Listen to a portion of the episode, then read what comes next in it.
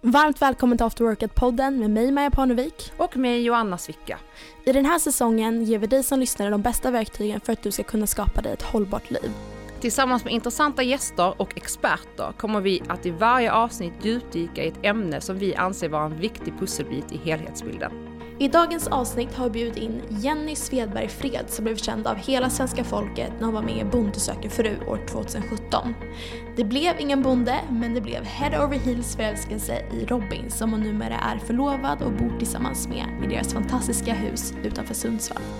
Jenny coachar idag i tyngdlyftning och föreläser om psykisk ohälsa, något som hon själv har stor erfarenhet av. Hon inspirerar dagligen tusentals tjejer på sin Instagram och banar väg för alla oss som vill ta för oss mer i livet, i träningen och framförallt älska sin kropp.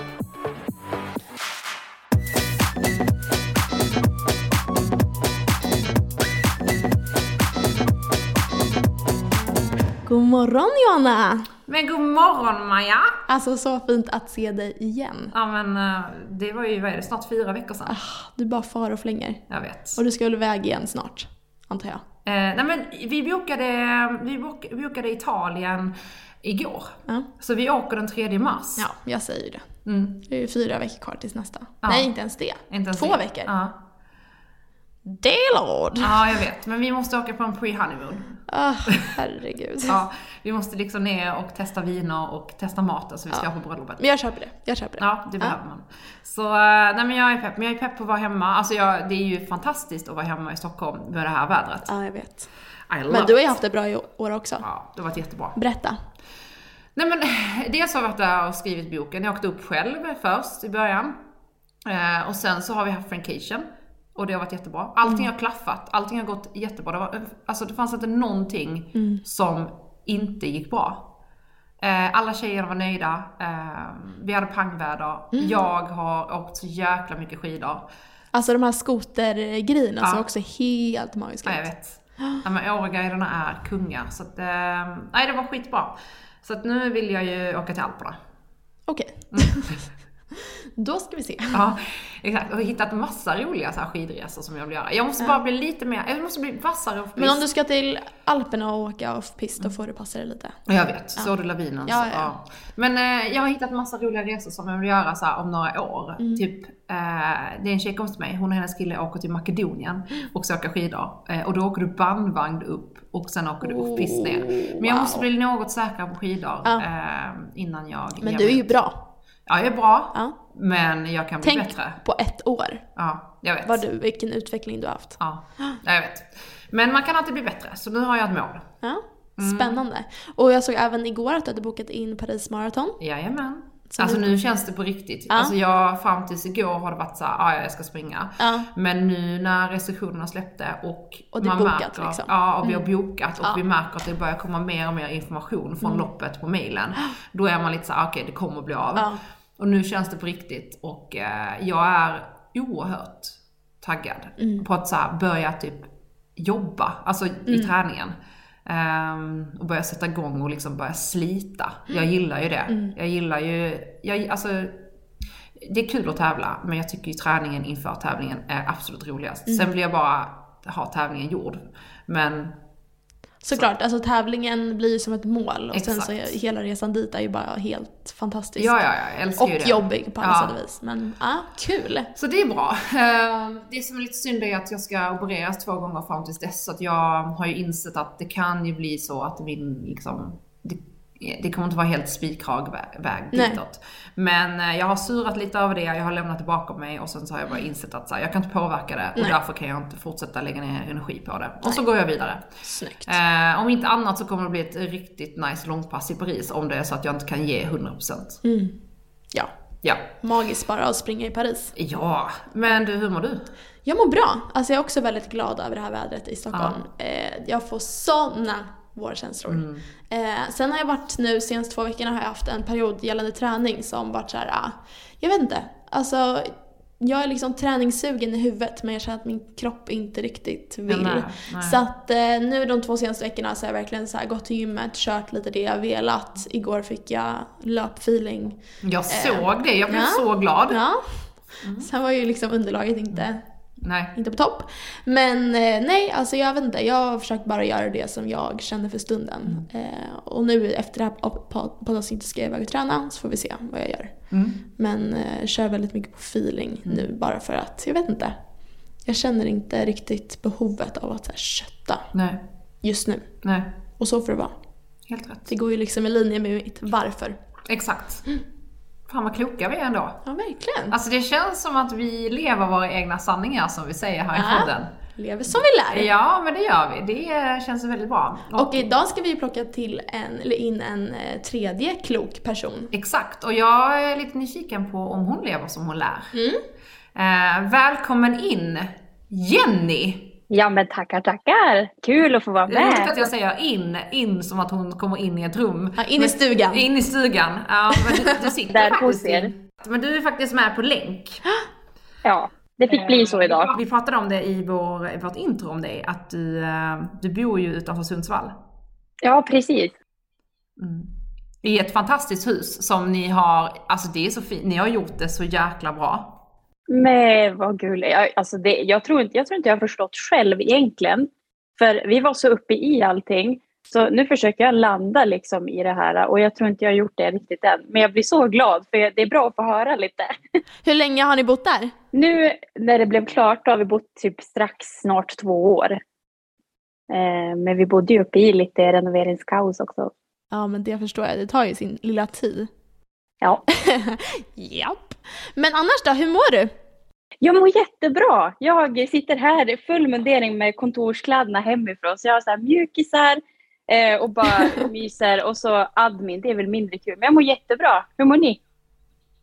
Eh, Jag mår bra, strålande. Ja, jag mår också väldigt bra. Jag är på strålande humör. Fredag nu när vi spelar in.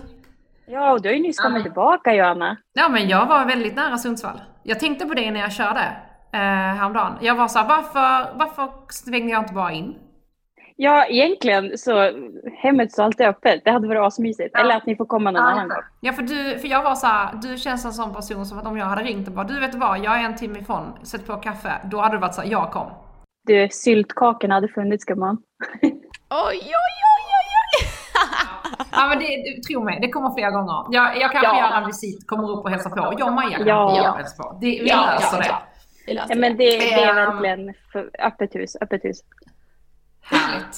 Du, ehm, för, för, för de som inte känner till dig, kan inte du bara berätta lite snabbt om dig själv? Ja men det, absolut. Det här är den svåraste delen tycker jag, men vi kör. Eh, jag är entreprenör i grund och botten. Jag jobbar ju, varför jag säger entreprenör är för att jag har så många ben att stå på, precis som ni har. Eh, jobbar jättemycket med folkhälsan, alltså psykisk ohälsa och välmående. Så jag jobbar jättemycket med allt ifrån ungdomar till 75-åringar och ut och föreläser om just ja, men hur kan man förbättra vardagen till att må bättre och eh, göra smartare val, ta sig upp ifrån eh, jobbiga situationer, få bättre struktur. Eh, jobbar med sociala medier, så det har blivit som en liten sidekick sådär. Inte fullt ut, men jag tycker det är fantastiskt roligt. Eh, så många skulle säga influencer, jag, jag på, på halvtid skulle jag säga, deltid. Eh, jobbar som tyngdlyftarcoach, eh, är allmän PT, men jag har fokus på eh, olympiska lyft och eh, just eh, grundstyrkan, liksom att eh, hitta träningsglädje. Då. Så mer muskelbygge och den tekniska biten. Ja, gud, det finns allt möjligt. Jag jobbar jättemycket med välgörenhet. Men i kort sagt så, så jobbar jag som entreprenör och försöker göra så gott jag kan till att förändra till, det- till det bättre och ha kul på vägen. Liksom. Jag har gjort det nu i sju år. Det låter som att du har massa bollar i luften. Vilket är jättekul. Det är faktiskt jäkligt roligt. Jag ska inte ljuga om det. Alltså det, jag känner igen mig väldigt mycket i det, det själv, för att jag har också så många ben att stå på och gör väldigt många olika eh, alltså, saker i livet. Alltså jag har olika liksom, ben att stå på, och olika typer av företag och det är en, eh, antingen gillar man det och trivs med det, eller så blir det en stress så att man känner att man aldrig riktigt ger 100% i något. Eh, och det kan ju bli svårt om man är en person som måste prestera 100% på allt. Eh, så att jag, jag, tror att det är så här, ja, det, det passar vissa, eh, tror jag. Eh, eh, också det här med stressen att man måste nischa sig. Jag har fått höra det så mycket att men du måste nischa dig, du måste, du måste välja en väg. Jag bara så, fast man behöver inte välja en väg, man behöver inte nischa sig. För så ser inte livet ut. Mm. men det leder, leder in mig på vår fråga som vi ehm, alltid ställer våra gäster eh, i början av eh, våra avsnitt.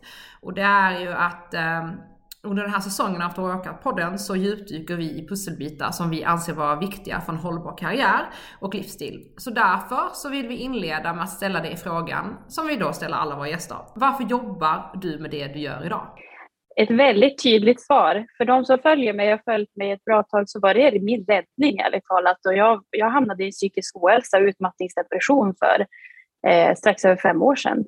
Eh, och eh, det berodde absolut inte på att jag jobbade för mycket. Tvärtom, jag jobbade absolut. Jag var, precis som vi pratade om det här med att eh, man ger 110 procent på allting, men jag var duktig på att göra det på alla plan utöver jobbet samt eh, hade mycket trauma i bakgrunden och eh, otroligt bara missöden som tyngde mig jättemycket, som ledde till mönster. Så jag kan säga att eh, jag jobbar med det jag gör idag för att jag ville vara person jag själv hade behövt. Eh, och jag mår så himla bra av det. Eh, och nu har jag byggt upp det på sidan av anställningar och sånt där. Så absolut, det har varit ett tufft jobb. Men idag så är man ju, ni känner nog igen det, det att jag får ju faktiskt jobba med någonting jag känner meningsfullhet i. Och det slår varenda känsla i världen. Det var ett tufft jobb dit, men jag kan säga att fy fasen vad värt det var. Eh, mm. Och det gör att man sållar bort de sämre mönstren och faktiskt man känner sig glad och, och känner att man är på rätt plats. Jag tror att det är så viktigt, eller jag har en sån här liten filosofi om att så länge man jobbar med någonting som man brinner för och tycker om så tror jag att det är typ är bra att jobba för då har man ju som du säger ett syfte alltså med livet eller ett syfte med att gå upp på dagen. Ja. Um, för jag, jag levde länge efter att säga okej okay, men jag ska jobba gärna tills jag blir typ 40 eller 50 och sen ska jag liksom gå i pension och dra till Maldiverna och bara götta mig. Men jag tror att det många missar det är så här, äh, det är kul första månaden, månaderna men sen så har man ju inte längre ett syfte Nej. med att gå upp. Och det är lätt att så här, hamna i tankarna, tankarna då. Men det är lätt också så här att det är fortfarande, det premieras så otroligt mycket och det är en sån otrolig prestige i att så här, du ska vara framgångsrik. Och speciellt när du är i, alltså, när du är kvinna mitt i livet och att du ska liksom ha målsättning ska, och du ska liksom åstadkomma någonting. Och det är otroligt viktigt kring att vara lyckad. Och här skiljer sig ju definitionen av lycka för många, men många tror ju att lycka är en viss väg. Mm. Och sen inser de på vägen att så här, men gud det här gör mig inte lycklig. Men då har man liksom lagt ner så otroligt mycket tid och liksom energi av sig själv mm. på att så här, fokusera på saker som är helt fel. Um, och det kan ju till exempel vara så här, men karriärklättra, pengar, uh, umgänge, fel mål på träningen. Alltså det, ja men som sagt mönster som inte är bra för en. Mm.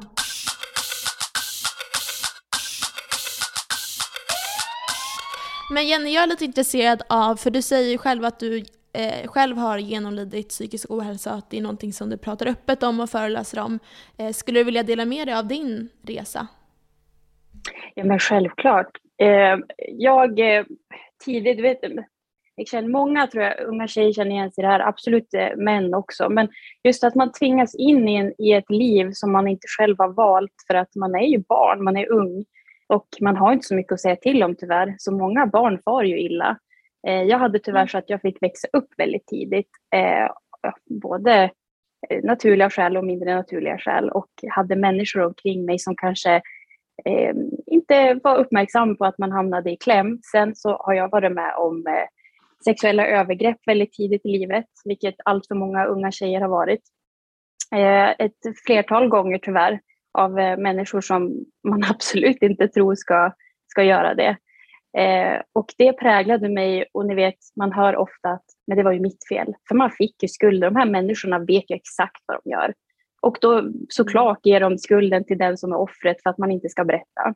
Så det har ju varit något jag inte har fått ägt på, det var ingen som visste om, inte ens min närmaste familj. Eh, jag fick inte äga det förrän jag tror jag var, jag kom ut med min dokumentär för vad det, ett och ett halvt år sedan om du och jag mot psykisk ohälsa och det är typ enda gången jag kände att nu var sista pusselbiten klar. Eh, jag fick äga det. Och det är väldigt tragiskt egentligen. Utöver att jag föreläser om det så kändes det då. Sen så är högpresterande, jag har tränat och tävlat i olika sporter och det var enda frizonen. Men däremot så är det också väldigt påfrestande om man jämt ska höra att man är duktig hela tiden. Du ska vara så jävla duktig. Eh, och det var en roll som jag anammade till 100 procent, att jag skulle vara så duktig hela tiden. Jenny är så stark, hon är så glad och eh, absolut, jag var levnadsglad, men det är en klyscha att man kan vara lycklig hela tiden, för det är man inte. Eh, så mm. utrymme fanns liksom inte till att få känna allt det där som ska kännas. Eh, plus att jag är en människa som ser människor väldigt mycket. Eh, har alltid varit sedan jag var liten. Det är både en curse och en blessing. För folk känner sig sedd, de lägger över sina problem på en och så får man ta det. Och så när man är yngre har man kanske inte verktyg att bearbeta, gå vidare, man vet inte riktigt. Um, så det pockade på. Uh, och sen när jag kom upp i ung vuxen och ja, men tänkte att jag skulle flytta. Flyttade till Stockholm, blev kvar där i fem år. Fantastiska år, men min kropp var så redo att få bearbeta när jag äntligen fick lugn och ro, ingen yttre påverkan, att faktiskt ja, det här skulle komma upp till ytan så att jag fick eh, bearbeta och leva mitt liv. Så ett år in i att jag hade flyttat så small det in liksom eh, vad som har hänt under åren. Ehm, och eh, jag hade gått in i ett ganska dåligt mönster själv som jag inte tänkte på att sånt här präglar ju en. Ehm, och man byggs upp av de här byggstenarna. Så jag träffade ju människor jag kanske inte skulle ha träffat. Jag sökte mig till folk som inte var mitt folk. Eh, blev tyvärr misshandlad, eh, vilket jag aldrig tänkte att jag skulle inte bli misshandlad. Eh, ganska grovt eh, av min pojkvän. Eh, och då vart det ännu värre därifrån. Så sommaren 2015 var det nog, så var vi på Gotland med min familj och där så fick jag, gick jag in i en psykos. Eh, hastigt och lustigt på, på ett väldigt märkligt sätt. Jag hade ju fått jättemycket varningstecken eh, fysiska symptom. Jag tappade hår, jag blev grå i ansiktet. Jag fick panikångestattack när jag skulle gå och köpa mjölk på, på affären. Liksom. Men jag blundade ju för det, så jag har bara mig själv att skylla där faktiskt. Jag har varit enormt besviken på mig själv och jobbat med det. Ehm, men då gick jag in i psykos för att jag kände mig nog trygg, för att jag kände att min familj är nära, nu kan jag bryta ihop. Ehm, och därifrån så fick jag börja mitt jobb, alltså min värsta resa och ändå bästa på ett sätt. Ehm, så blev jag frisk tre år efter eh, av hårt jobb, KBT, medicin. Väldigt tung, det var jobbigt men gav mig andrum och liksom tog bort toppar och dalar. Jag fick sålla i princip alla relationer för det som passade mig en gång förut som jag trodde passade inte mig idag. Eh, jag flyttade. Det var väldigt drastiska saker jag fick göra vilket kanske inte passar en annan vilket jag är väldigt noga med att säga. Men för mig så var det väldigt nödvändigt att jag fick göra om från scratch, ändra om spelplanen och göra mitt liv till mitt liv. Eh, mm. Och eh, upprepa, upprepa, upprepa. Bakslag kom, men det var nödvändigt. Tills en dag så var jag, var jag faktiskt frisk. Så gott jag kunde bli. Usch, det är så hjärtskärande att höra att en människa, eller att du, har genomgått allt det här. Alltså, psykisk ohälsa kommer ju i alla dess former men det känns som att du har tagit igenom allt typ. Ja, alltså det är... Tuff start i livet för att vara så ung, uh. absolut. Mm. Skulle du säga att, ehm, för det, det är otroligt många som kanske är där idag, eller på väg in i det, men kanske som inte vågar ta hjälp. Del, dels också på grund av skam, men också bara vad andra ska eh, tänka och tycka och där de inte vet var de ska börja och tänker att jag klarar av det här själv. Um, tänker du att det är viktigt att man tar hjälp och att man helt enkelt vågar prata om det, att man vågar säga någonting högt? Jag tror det viktigaste är att vara sig själv sann, att, att kanske inte leva i mm. förnekelse. Förnekelsen är nog det, det svåraste och det värsta, för det, det tar mer skada. Och många som jag hjälper idag skriver oftast, eh, jag har lagt ut mycket om det, att men jag har försökt och jag har gnetat på. Men det spelar ingen roll hur du gnetar på och kör på och biter ihop. För att biter ihop och går i samma riktning som gör att du kommer ännu djupare i en psykisk ohälsa så, så kommer det bli tuffare att komma upp. För det, då kommer du skrapa knäna och inte komma upp lika lätt. Mm. Men det viktigaste är verkligen att, att ägare, tycker jag, det är något som no ingen sa till mig, att äg det bara. För oftast är ju skammen där. Mm. Eh, men att, att se det som ett ytterplagg och så ska du någon gång hänga av det. Eh, brukar jag säga. Och det är genom att ja, men, ta hjälp, prata med närstående. Och det är många som inte har närstående, det vet jag. Men då är det så här, det finns så otroligt mycket mer hjälp att få än en psykolog eller en kurator. Eh, jag gick till exempel lite en annorlunda väg. Jag gick absolut till läkare. Jag gick absolut till vårdcentral, jag sökte allt. Men jag gjorde saker som jag... Jag var rädd och gjorde det ändå. Jag fick absolut panikångestattacker, men jag vet inte om jag är modigare än gemene man eller kvinna, för jag gjorde det ändå och skämdes inte, men det var nog för att jag ägde det. Men just att söka dig till, det finns kyrklig hjälp. Det mm. finns de som har, ja, ni vet säkert, det finns kyrklig hjälp. Det låter jätteflummigt för någon som kanske inte alls är insatt, men du får en tid och rum att sitta och prata och bara det läkande. Eh, gå självförsvarskurser, det gick jag. Jag gick på föreläsningar om folk som kanske har varit i samma situation. Och där är det så viktigt att fråga, fråga, fråga de som har varit i ditt ställe och är bra på det de gör idag. För då får du bra tips. Det är samma som med sporter mm. och sådär. Eh, och sen framför allt, sök varma kramar. Alltså på riktigt, fysisk kontakt är ju A och O. Alltså, och träning.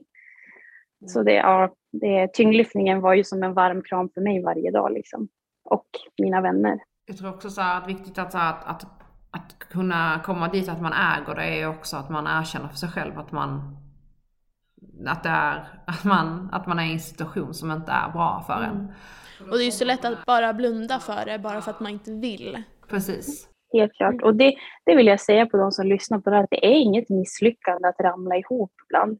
Det är, liksom, det är en naturlig del av livet. Det är ett otroligt tufft klimat i överlag sedan alla år tillbaka. Så jag menar, det är mer naturligt att det blir liksom en liten bump on the road och att man trillar. Men det som är fel det är att inte ställa sig upp. Och jag var ju en person som tyvärr, nu är det dubbelmoral på mig här kan jag säga, för jag ställde mig inte upp. Jag var ju självmordsbenägen tyvärr. Det gick ju så långt att jag, jag var ju liksom, gjorde ju ett val att inte vilja leva och tack och lov misslyckades det. Eh, och det är djupt och det är absurt idag att säga, men det är min sanning. Um, och det är därför jag pratar om det, att jag vet hur det är att lägga sig ner och inte ställa sig upp. Och jag säger bara det, att det, det är det sämsta valet jag har gjort. Uh, och det är lätt att mm. inte se det, den sekunden och den minuten och stunden. Så där. Men det är något jag vill säga till de som lyssnar på, att det är helt okej okay att falla. Det är inget, inget skam och det är absolut det är helt okej. Okay. Men det är inte okej okay att vara kvar där. Men jag tänker att när man är där på botten som du en gång var, är det inte svårt att bara så här äh, rent mindsetmässigt vara okej okay, men nu ska jag ställa mig upp. Måste man inte på något sätt få något, någon slags utomstående hjälpande hand eller något sånt där? För jag tänker när man är där nere så är det så jäkla mörkt liksom. Det är hundra procent och det leder oss in till att eh, upprätthålla, alltså att, att uppmärksamma ditt tillstånd till omgivningen. För i en sån här eh, situation så är det så svårt och man känner sig missförstådd hela tiden för det första. Man känner sig jättemissförstådd och missplacerad och man är inte hemma i sin egen kropp. Och då är det så otroligt vikten av att upprätthålla och liksom, eh, ja men, eh, vad säger man? man? Man berättar för omgivningen hur det ligger till för då får man mer förståelse. Eh, och involvera folk i att faktiskt sträcka ut en hand. För oftast i en sån där situation är man så stolt att man inte tar handen tillbaka. Eh, mm. och, och, då blir det svårare när du faller att då vet inte folk när, när de ska sträcka ut en hand för de vet inte hur illa det är. Så där har man ju ett ansvar för sig själv, vilket låter hårt. Men något som jag lärde mig efterhand att jag hade ju alla förutsättningar att kunna få bättre hjälp om jag själv hade kanske sagt det högre till min omgivning och tagit emot hjälp bättre. Du, um du föreläser ju en del om psykisk ohälsa. Eh, och du har ju berättat lite så hur du tog dig ur och, och men hur, hur mår du idag? Jag mår jättebra. Alltså jag, jag, jag mår riktigt bra. Eh, jag mår bättre än innan. Eh, och det är också fint att jag kan få bara, ni pratar om det här med en nisch, att man ska liksom ja, men representera sig själv och så här. Men just där bara med sociala medier kan vi ta ett exempel att jag visar ju bara mitt liv rätt av utan att behöva ha någon slags fasad utan det är tokigt, det är upp och ner, det är att man bara kan få vara sig själv till 100 procent fast det finns yttre påverkan. Och det är också när jag var med i Bonde söker fru, då hade jag precis blivit frisk från min psykiska ohälsa och sökte kärleken. Och då var det mitt test där, det är inte många som vet om det, men att jag bara, jag ska, jag skiter om det blir kärlek eller inte, det är bonus, men jag vill äga mig själv till 100 procent. Mm. Att jag får vara bara renodlat mig själv utan att behöva gömma mig. Och det stärkte mig otroligt mycket, att jag bara kan vara mig själv och folk får gilla det eller gå därifrån. Då har de ett val och det är så skönt att få göra det både utanför och innanför portarna. Liksom. Så jag mår jättebra.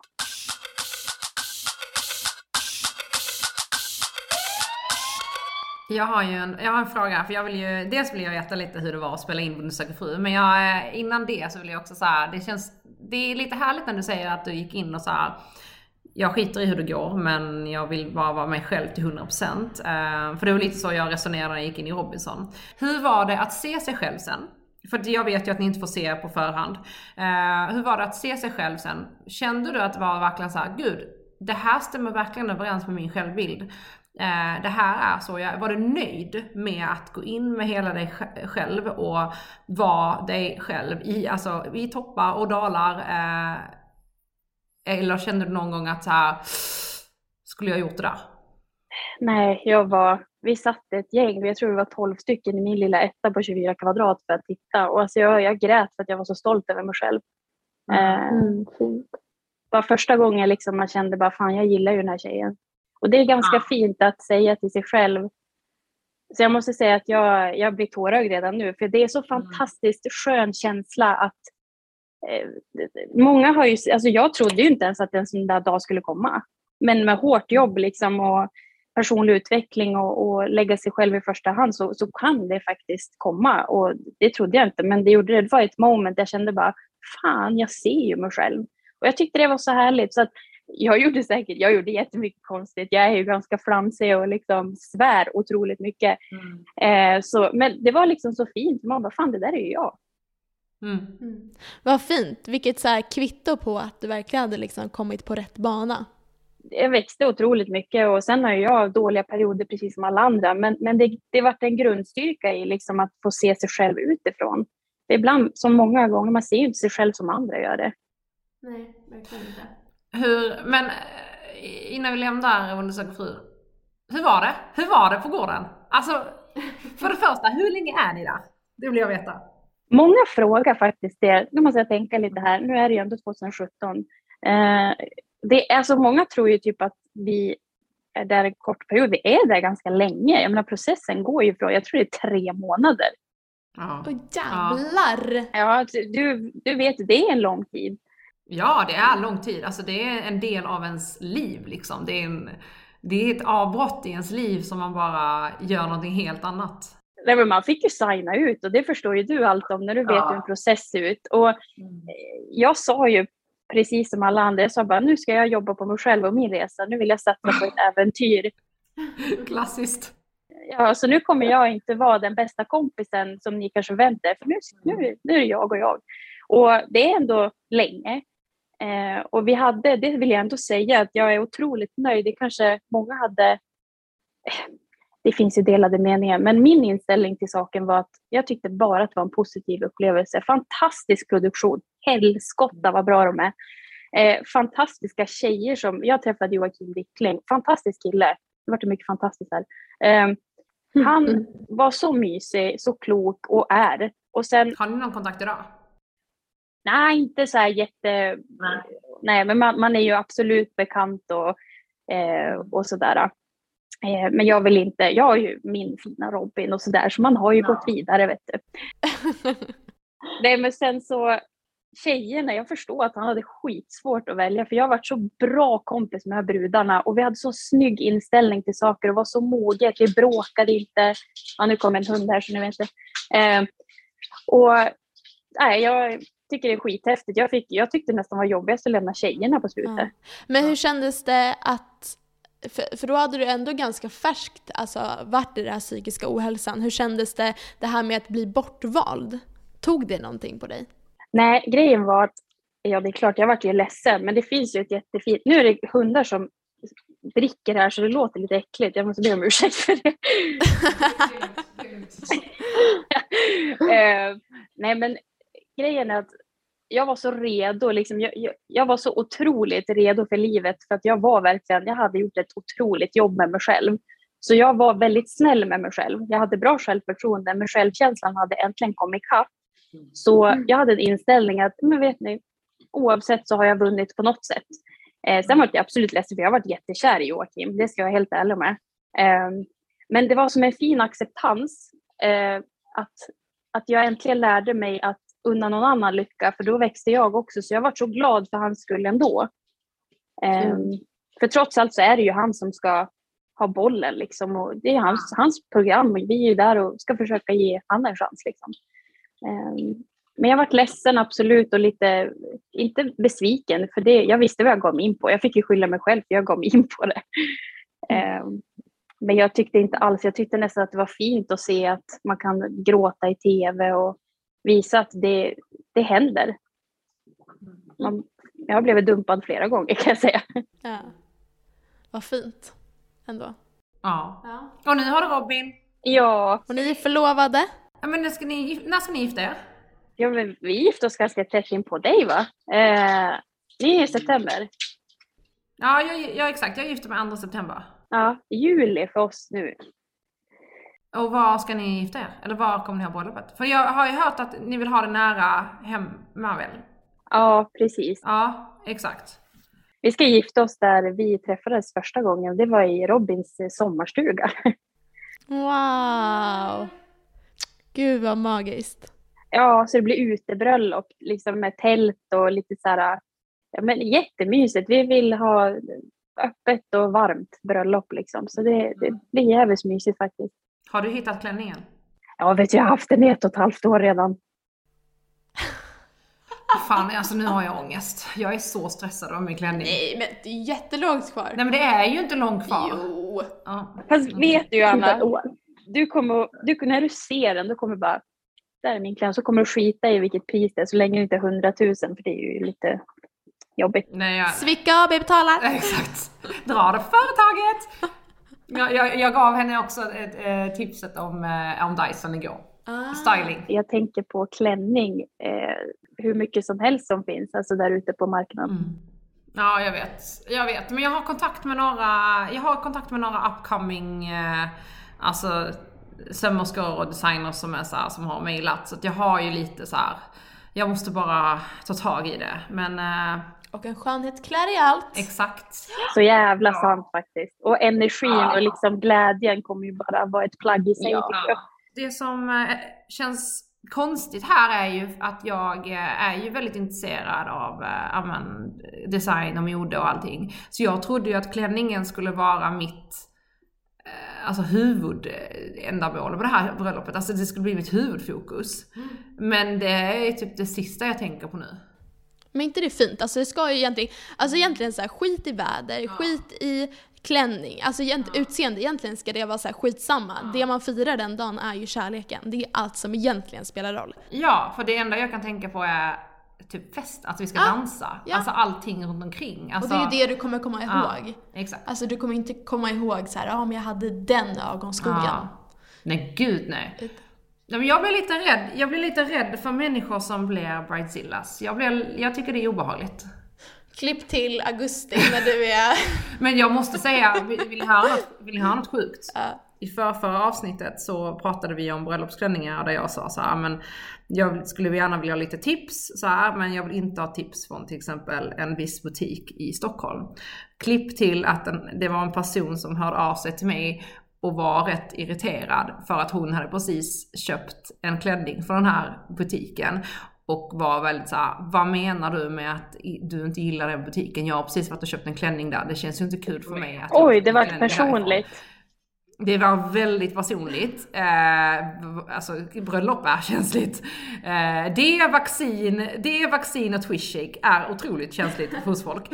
Eh, och då, jag var så men det är som att jag gillar eh, Heinz och du gillar eh, Felix. Alltså, det, det, det, man har ju olika smak och bara för att om du är nöjd med din klänning, då, då ska du ju vara, då, då skit i vad jag tycker. Alltså det, det är som att så här, ja, Alltså det är vadå, ska du, kan inte du ha på dig den nu bara för att jag har sagt att jag inte gillar klänningar från den butiken för att inte jag gillar den butiken? Det var ju inte, det var ju verkligen inte en specifik klänning du sa utan det var ju Nej. general. Ja, det, ja nej, så att det var, eh, ja. Men skitsamma, vi... eh, Vi går vidare. Vi går vidare, skit i klänningen.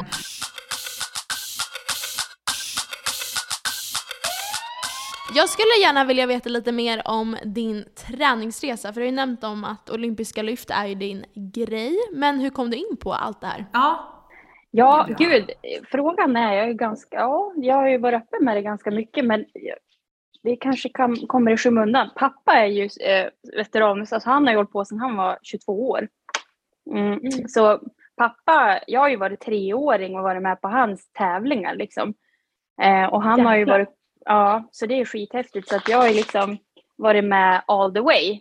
Eh, så, så jag har ju liksom sett det här eh, sedan jag var tre år och min mamma höll på. Eh, min brorsa höll på, min morbror höll på med just tyngdlyftning. Men sen så har vi en, en stor hockey, vi är hockeyfantaster då. och så sen var jag väldigt jag har varit duktig i typ alla sporter. Nu ska jag vara ojante på riktigt för det, det tycker jag man ska vara med. Jag, jag var riktigt duktig i alla sporter jag än tog mig an. Eh, och det har oftast varit sporter som pappa själv har utövat. Så jag har ju gått i hans fotspår helt och hållet. Eh, och eh, så det, det är på den vägen. Och sen så spelade jag fotboll på hög division. Eh, jag har hållit på med brottning. Eh, hockey har jag spelat. Men det fastnade med att efter att jag gjorde illa korsband, menisk. Jag drog av i princip allting på högra, högra knät när jag var som bäst. Eh, fan. och eh, ja, det var benet bara hängde. Det, var helt sjukt. Mm. Och då sa de till mig att ja, du får nog lägga det här på hyllan liksom. Eh, och då vart jag jätteledsen för jag är extremt eh, aktiv sedan jag var fem år. Eh, håller på med liksom väldigt eh, tuffa sporter och är väldigt, ja men jag är kort, jag är väldigt stabil, alltså jag använder min kropp som jag vill. Och då vart jag superledsen, men jag varit nästan förbannad. Jag vart liksom, vad fan det här? Jag liksom fick en låga istället, så jag, jag bevisar för läkarna att du har fel. Så jag gjorde en jättehård rehab och liksom så, så jag, idag märks inte att jag har dragit av eh, allting. Jag har ett nytt korsband. De tog en sena bak i bakbenet på mig eh, och eh, gjorde ett nytt korsband och så har jag ingen menisk. Jag har ett ganska kassa ledband egentligen. Eh, men jag är starkare än innan faktiskt. Wow. Så, och det är tyngdlyftningen tack vare det. och än en gång så kommer vi in på varför man bör styrketräna. Ja, Ja, ja, ja, ja. snyggt. Nej, Ja, men- jag, jag, det känns som att jag tjatar så mycket om det. Men, men, ja. men vilket är ditt favoritlyft då? Jag tycker fan alla är bra. Jag tycker det är skitkul. Men jag, är, jag är, tycker om stöt, alltså frivändning och överstöt. Den, eh, Okej, och då måste jag fråga, vad är du bäst på respektive sämre på? Eh, jag, jag har alltid varit sämre på, alltså nu kommer min tävlingsskalle fram, ni känner igen er, att det man är sämre på, det ser man inte som ett nederlag och sluta, utan det, det gör man till sin styrka till slut. Så jag har varit sämst på ryck, alltså, och ändå är jag kanske helt okej, men jag har varit så arg och jag har haft hatkärlek till det, och inte ens kärlek ibland, men ryck var det värsta, för jag hade ju en begränsning i liksom hur, hur djupt jag kunde sitta, så det liksom förstörde. Men Ja, Mm. men nu har jag övat upp det, så nu är det faktiskt inte ett lyft jag hatar längre. Så jag älskar ryck och stöt. Men sen har jag otroligt, alltså det låter helt sjukt för jag gör det ju i frivändningen, men eh, frontböj tycker jag är riktigt, alltså jag kräks. Eh, vilket är konstigt egentligen. men, eh, en, ja, det är helt sjukt. Många bara, fan du kan ju, du är jättestark och du jag bara, ja fast jag hatar känslan för jag, jag håller på, alltså det, ja, det känns så tungt. Eh, Maja, ditt då? Ja, jag, jag får, lite så här hopp inför framtiden för jag hatar ju eh, snatch eller Ja. ryck eller vad man ska säga. Ja. Alla gör det Ehm, i början. Ja, alltså jag tycker inte det är det minsta roligt. Men eh, jag övar på. Mm. Så jag kanske blir min favorit någon dag. Vad, är ditt, eh, vad är ditt bästa då? Eh, det är power cleanse. Ja, du är fan bra på power cleanse alltså. Älskar det. Ja. Ja, Jag förstår Mm. dig. Men kanske ska komma bort till Sundsvall så får du ja, visa mig hur man gör. Sa du kanske? Jag tycker verkligen ni ska ta ett pick och pack. Jag Ja. tycker vi borde göra en utflikt. Du vet att Frankie, ja, henne köpte jag i Sundsvall.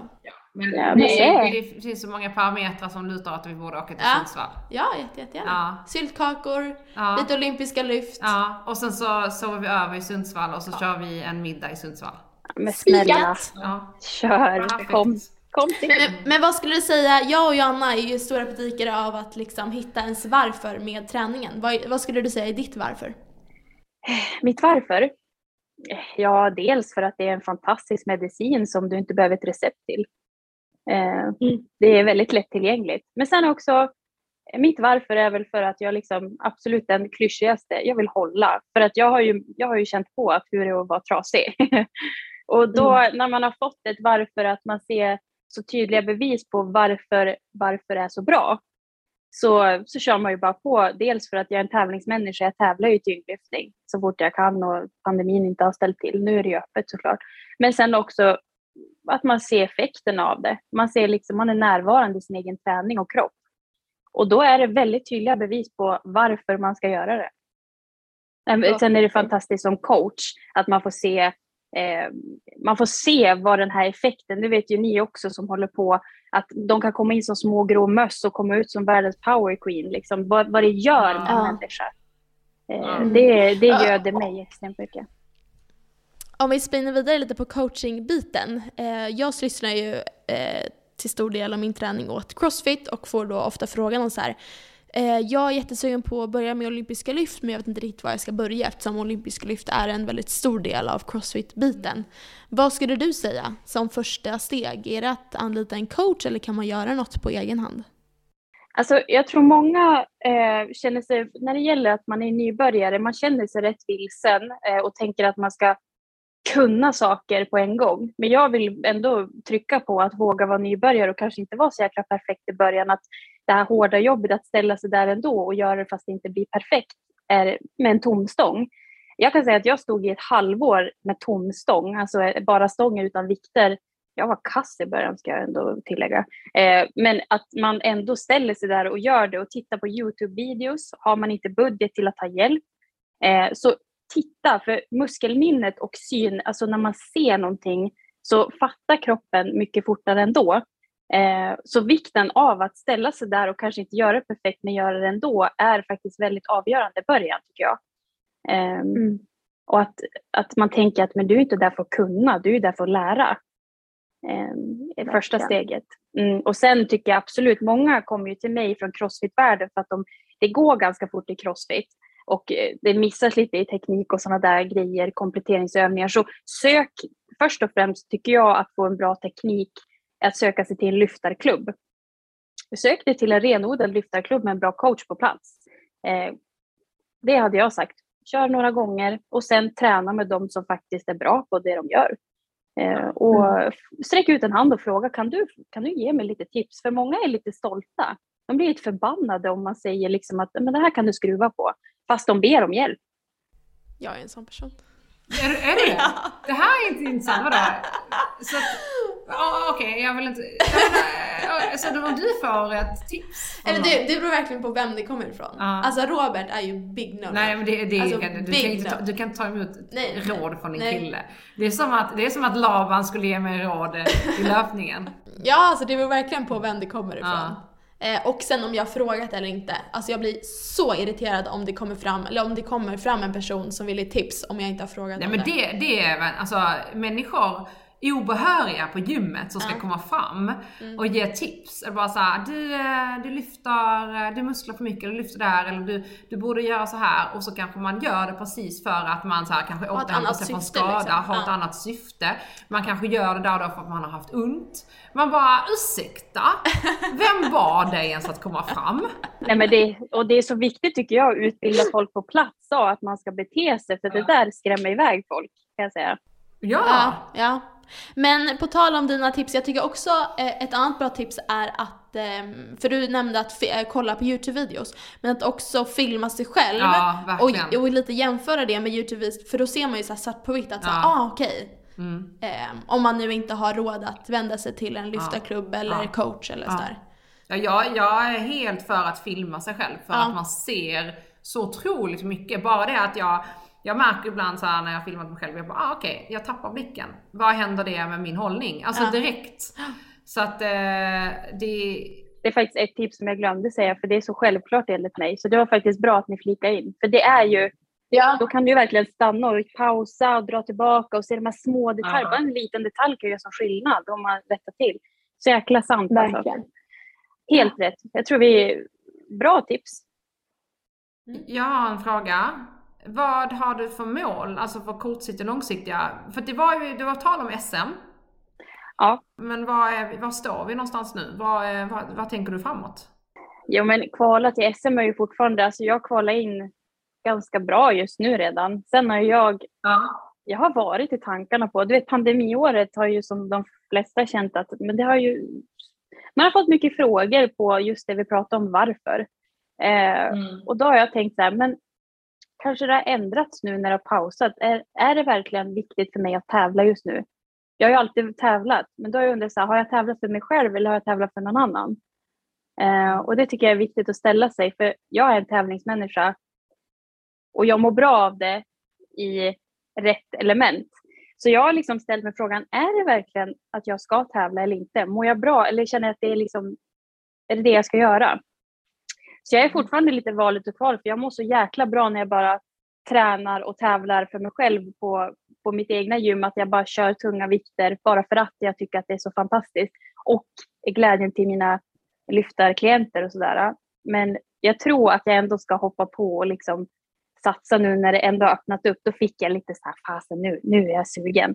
Ehm, så det blir nog att, eh, ja det var lite så här ny kärlek. Så att jag tror på riktigt att det blir att jag vill verkligen kvala in eh, och eh, köra SM. Ehm, och sen får vi väl Fan, vad se. roligt. Ja. Gud vad kul. Ja, Ska vi heja. ja, det ska vi verkligen göra. Men jag tycker det ser så läskigt ut på sådana där äh, lyftartävlingar. Det är, alla är så tysta.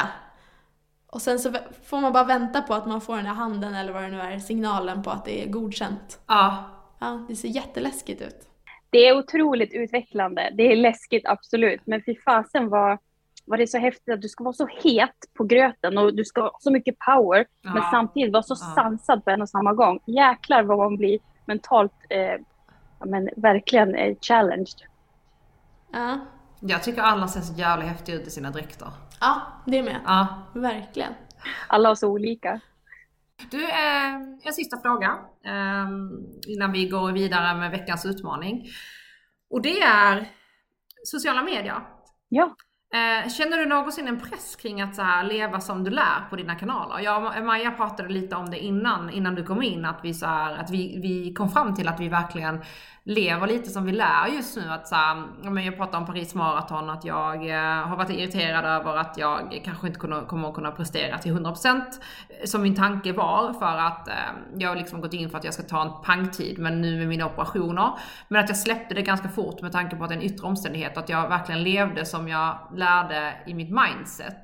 Och Maja, du pratade om, om din träning, att du, du är taggad i, i i, i, Huvudet. i huvudet men Ja. din kropp kanske inte är med och du liksom har anpassat dig efter det. Mm. Ehm, och vi var ganska så här, men eh, stolta över vår eh, reflektion där. Att vi Mm. liksom, och hur, hur känner du där? För det är ju svårt med sociala medier för att det är ju en viss bild som ska förmedlas. Mm. Alltså jag har ju hållit på med sociala, jag är ju bara 27, eller fyller 27, men gud vad svårt det var att säga på norrländska. Eh, 27. 27. 27! Sushi-shu. 27. Jäklar! Men eh, ja, det där får du öva på Maja. Ja, alltså det där, jag får ju den där frågan typ varje dag, jag skämtar inte. Eh, men jag tror många ser att jag lever verkligen som jag lär. Eftersom att jag har varit med om den resan jag varit med om så, så har jag så stort perspektiv på att fan det är inte värt att hålla på. Eh, alltså jag har, jag, har inget, att- alltså jag har inget att upprätthålla. Det här, det ni ser, det ni får. Liksom. Och det är väl det som tror jag går hem. Om det nu är att många bara tänker, Åh, vad gör du för att få så följa? Jag har inte de flesta följarna och så många, men jag har väldigt lojala för att de vet att det här är Jenny rätt av.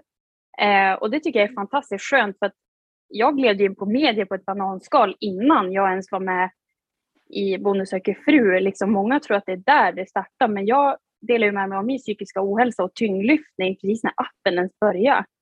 Eh, Och det var nästan ingen som pratade öppet om dels välmående eller psykisk ohälsa. Så jag blev inkallad till TV4, alltså Radiohuset, för att jag var en av få som pratade om det, uppmärksammades om det och fick följare av det. Eh, och var väldigt transparent. Och sen har jag liksom känt att ja, men det här är min dagbok som, som du ibland refererar till också. Eh, att, ja, men, herregud, alla som har hängt med har ju fått hängt med när jag mår skit, när jag mår så jävla bra. Eh, och liksom när det är lite tokigt, när det är besvärande. Att, så jag känner verkligen, jag tror många tror att, man, att det inte går, men jag känner verkligen noll press på, på sociala medier för att det är ingenting, jag har ju fler ben att stå på. Så för mig så är eh, medier inte på stort allvar utan det är mer så här, jag älskar det här vardagsrummet liksom. Ja.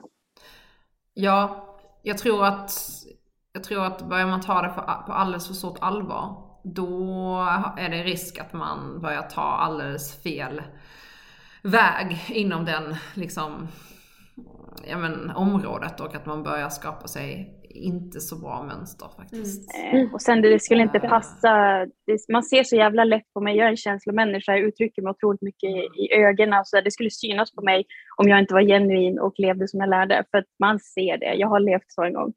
Så det, det nej, det går inte. Precis. Ja. Och vad är, vad är planen framåt här nu då? Vad händer i vår? Har du någonting roligt du kan dela med dig om i vår? Någonting jag inte kan dela med mig av. Jo, jo, någonting du kan dela med dig. Eh, Och om det är någonting hemligt så kan du säga hemligt så kan vi bara veta på det så kan vi bipa det sen. Men eh, är det någonting du kan dela med dig av liksom för alla här som lyssnar? Den här, ja, det kommer hända mycket. Vi ska bygga ut huset så att det blir en utbyggnad för det första. Wow! Ja, fasen, det, det blir ett stort projekt. Eh, så det, det, det ska vi göra. Sen ska vi gifta oss i juli. Eh, sen så, ja, ja men det, den här får jag inte säga, så den tänker jag inte hålla hemligt. Eh, vi, vi kan ta den sen. Eh, ett, projekt, jag kan säga, ett projekt som jag har tänkt på i fem år ska sättas igång. Eh, och det, det, Spännande. Ja, det känns jättekul. Men sen så, ja, träningsresorna ska vi köra på. Eh, och ja, verkligen bara må gott. Jag tror att eh, jag tar det lite som det kommer sen. Wow! Det lät ju som en riktig dunderplan. Vilket år! Jag tror på det i alla fall. Jag vill tro det. Det kommer gå jättebra. Ja, verkligen. Det låter skitbra. Ja. Har du någonting som du ser fram emot extra mycket Maja? Jag. Ja. Köpa lägenhet. Ja! Du är ju helt inne på din lägenhet. Ja. Ja, alltså jag har gett dig uppgifterna till min bank nu, det är bra. Har vi något mål på vars den ska vara? Liksom, vad vill du? Var du sitter? Alltså jag vill bara flytta över gatan typ, där jag bor nu, men till en större. Ja, men nej, vinnande koncept. Maja har redan flyttat in, Maja har gjort en moodboard för vad, hon ska inreda den här lägenheten som hon inte ens varit och kollat på visningen. Alltså det är, så, det, är, det är de sjukaste uppdateringarna man får. Jag bara, va? Vilken lägenhet pratar vi om nu? Nej men vi har, nej men det är ingen lägenhet men jag har redan inrett den och jag har redan typ köpt den. Jag bara, du har inte ens ett lånelöfte. Men du har redan Alltså, köpt den det. mentalt alltså.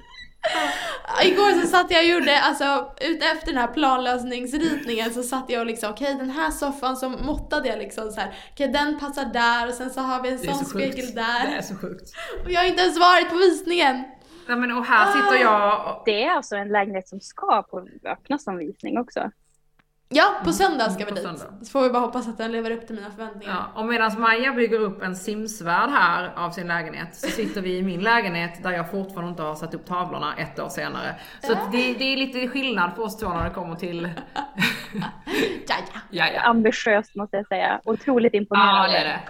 Ja. Ja, och Men du då eh, Jenny, du brukar... Jag måste ju säga giftermålet som nummer ett. Och det är det ju ändå. Giftermålet är ju det, the Wow, big, alltså, the big ni thing. har så mycket stort framför Eh, er. Alltså. Men sen också boken. ja. Ja, giftermål och bok, det är mina två Vi stora. är så taggade. Mm. Och Paris. Och Kommer Paris vara Marathon, magiskt. det kommer bli jättebra. Den har jag bommat. Ja. Vad händer där? Uh, ja, men jag ska springa maraton i Paris. Det ska du ju göra ja. I, i april. Yes. Woohoo! Ja men då ska jag köpa mig något fint om jag, om jag presterar bra. Chanel. Kanske en Chan- Chanel. Chanel tänkte jag säga. Kanske en Chanel. Det går bra nu. Det blir bra liksom. Att det, det känns som Enkelt. det är så mycket som har varit på vänt så jag tror att man bara öppnar upp luckorna och bara kör Ja. liksom.